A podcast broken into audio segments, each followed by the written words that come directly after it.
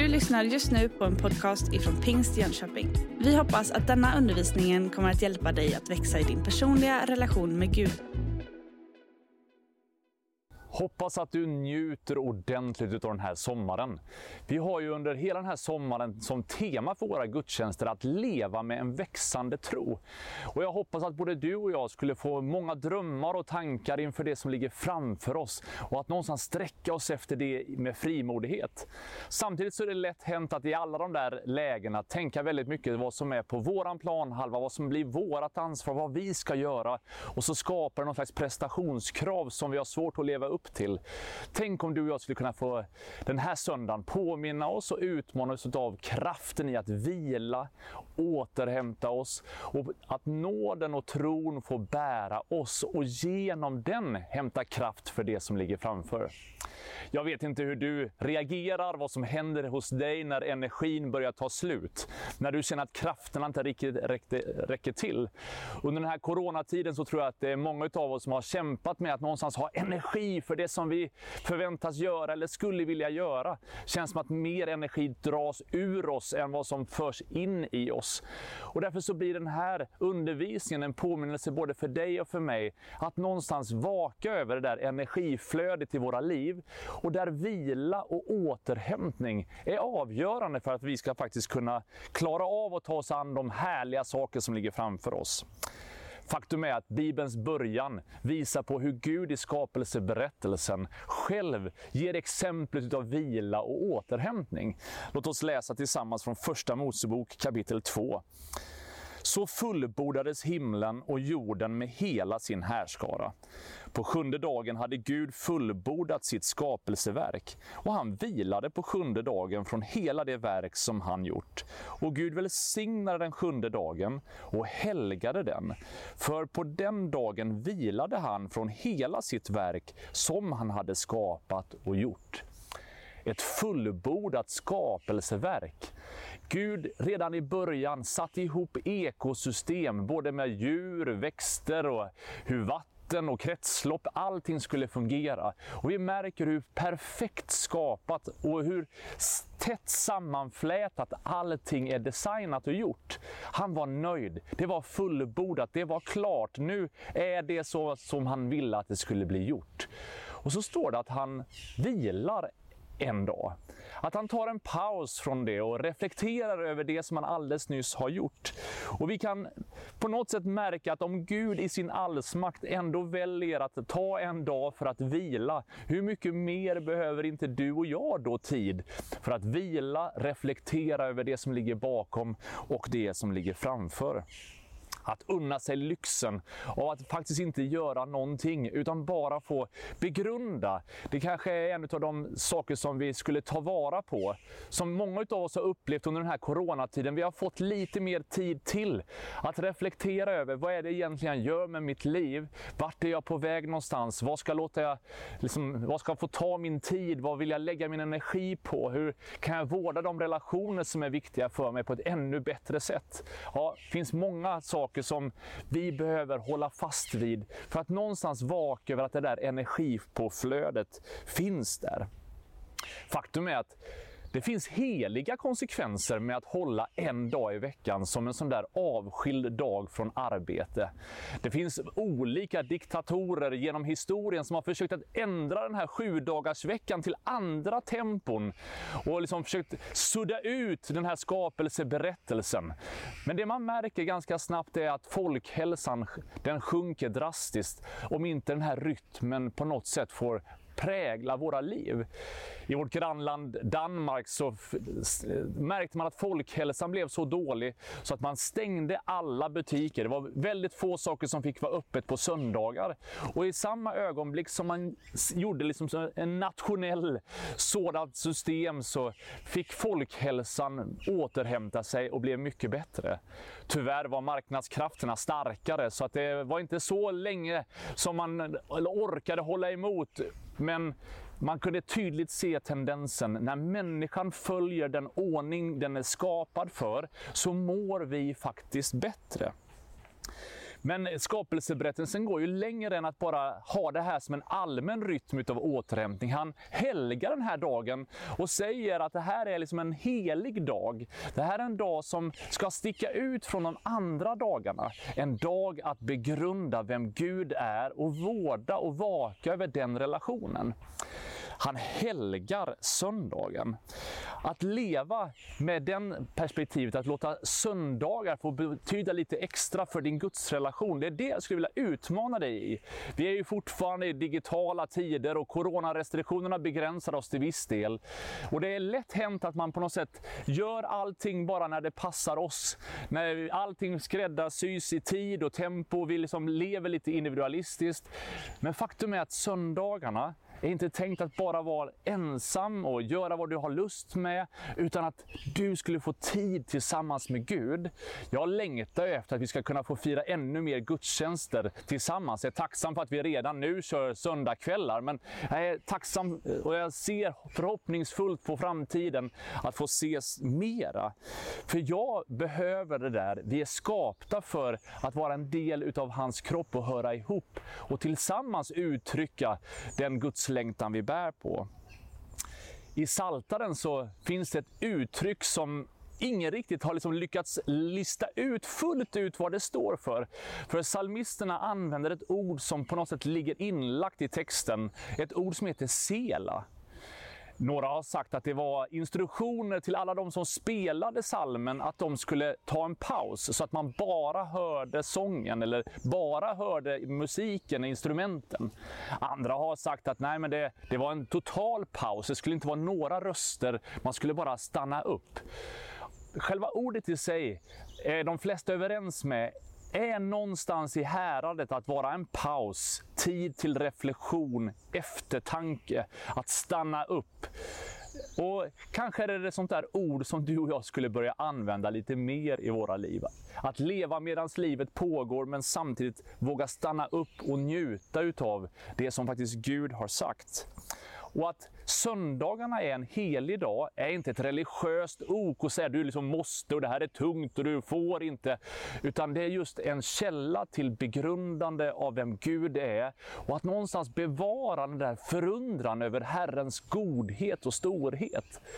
Och ibland så kan vi vara på väg till nästa sak hela tiden så att vi glömmer bort att Gud faktiskt är närvarande. Att han vill tala till dig och mig, att han har ett ärende, att han är intresserad av den här dagen väldigt mycket i vår tid handlar ju mer om att vara impulsiv, att vara snabb. Och vi har en, liksom en otroligt kort tid framför sociala medier och vi har liksom, eh, uppmärksamheten. Det tar liksom sju sekunder innan vi bläddrar till en, någon ny sida som vi tycker är mer spännande, mer intressant. Det är en utmaning för oss att leva med sela, leva med sabbatsvila, helig dag, stanna upp, bli kvar inför det som Gud har tänkt för oss. Ja, Faktum är att salmisten går ju långt och jag skulle vilja läsa kanske den mest välkända saltarsalmen, psalm 23, där det står så här. Herren är min herde, mig skall inget fattas. Han låter mig vila på gröna ängar. Han för mig till vatten där jag finner ro. Han ger liv åt min själ, han leder mig på rätta vägar för sitt namns skull. Även om jag vandrar i dödsskuggans dal fruktar jag inget ont, för du är med mig, din käpp och stav, det tröstar mig. Du dukar för mig ett bord i mina fienders åsyn. Du smörjer mitt huvud med olja och låter min bägare flöda över. Ja, godhet och nåd ska följa mig i alla mina livsdagar och jag ska bo i Herrens hus för alltid. I Jesaja så slår profeten där fast att Gud ger den trötte kraft och den maktlöse styrka. Och någonstans så är den här salta salmen, psalm 23, en sån tydlig markör utav hur han leder, han för oss, han tar oss till platser. Inte för att vi ska prestera i första hand, inte för att vi ska göra massa saker för honom, utan att vi ska få ordning och reda både i vår inre trädgård och i vårt liv liv. Att någonstans känna att vi får återhämta oss, får den kraft som vi behöver. Han låter mig vila på gröna ängar. Vilket underbart uttryck. Jesus själv säger, alla ni som är tyngda av bördor, alla ni som arbetar, kom till mig, så ska jag ge er vila kallelsen till Gud, kallelsen till Jesus. Där hittar du den absoluta tillfredsställelsen och det absoluta lugnet och vilan i din själ. Det finns ingenting som kan tillfredsställa dig så som att vila på Herrens gröna ängar. Och han vet vart de finns. Han leder oss till dem och han låter oss vila. Så låt dig inte luras av alla liksom, religiösa regler eller andra saker som på något sätt trycker på någon prestationsångestknapp i ditt liv. Herren han låter oss vila. Han vet att vi behöver vila och återhämtning och han är mån om att du och jag ska få det. Jag hörde av en fåraherde att fårens behov av trygghet är oerhört stark. Och att om fåren får komma på gröna ängar så får de en trygghet som gör att det inte blir siv i flocken. Det verkar vara oro bland fåren eh, om de inte får vara på gröna ängar. Om det inte finns gott om betesmarker och lite lugn och ro så verkar det som att det triggar aggressioner. Vilket innebär att om vi ska hålla ihop och vara harmoniska både som familj och i vänskapsrelationer oss som församling. Ja, men då behöver vi också vila på gröna ängar, på liksom frodiga betesmarker. Och jag förstod av den här fåraherden att får är lite speciella, de är ju verkliga flockdjur. Och om, om ett får blir irriterat och springer iväg så hänger alla andra på. Det är, liksom, det är någon slags signalsystem som gör att om en börjar springa så springer alla utan att egentligen riktigt veta varför. Och det kan vara en geting, det kan vara fruktan för någonting så är det lätt att man rycks med i att bara liksom hänga på. Och Det är ju det här som är så viktigt att få ledas av den goda heden som tar oss till de här frodiga markerna där vi kan vara trygga. Så att vi inte bara rycks med i när någonting i fruktan skrämmer eller någonting bara liksom skenar iväg. Att bara hänga på alla de trenderna. Den här salta salmen fortsätter att han för mig till vatten där jag finner ro. Och ett får behöver regelbundet vatten. Eh, daggen på gräset varje morgon är livsviktigt för fåren för att hämta hem en del av den vätskan som de behöver för varje enskild dag. På samma sätt behöver du och jag den regelbundna, vardagliga andakten där vi varje morgon, eller vilken tid på dagen, men att vi regelbundet fyller på med Guds ord och Guds närvaro. För det ger oss den där liksom, själsliga eh, drycken som gör att vi känner att liksom, vi går stärkta genom dagen. Och Jesus han för oss till vatten där vi finner ro. Han är ju det levande vattnet. Han för oss dit så att vi får hämta den energi vi behöver för varje enskild dag.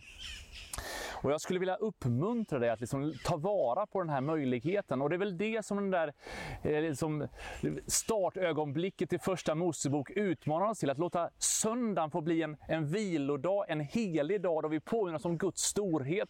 Där vi påminner oss om tillhörigheten till hans kropp, hela församlingsgemenskapen. Liksom, Men också att varje dag se till att det finns en påfyllnad utav det som Herren har tänkt för dig och för mig. Och Salmisten fortsätter med att han vederkvicker min själ, han ger liv åt min själ. Och här är ju kanske en av de vackraste texterna kring liksom vad som händer när vi vilar, när vi återhämtar oss. Att det är någonting som ger näring till vår själ.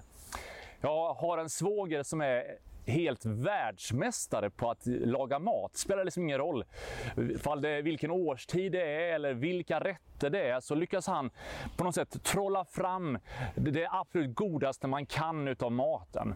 Och eh, jag frågade honom alldeles nyligen, så här, liksom, hur, hur får du till de här sakerna så här oerhört gott? Vad är liksom, hur gör du egentligen?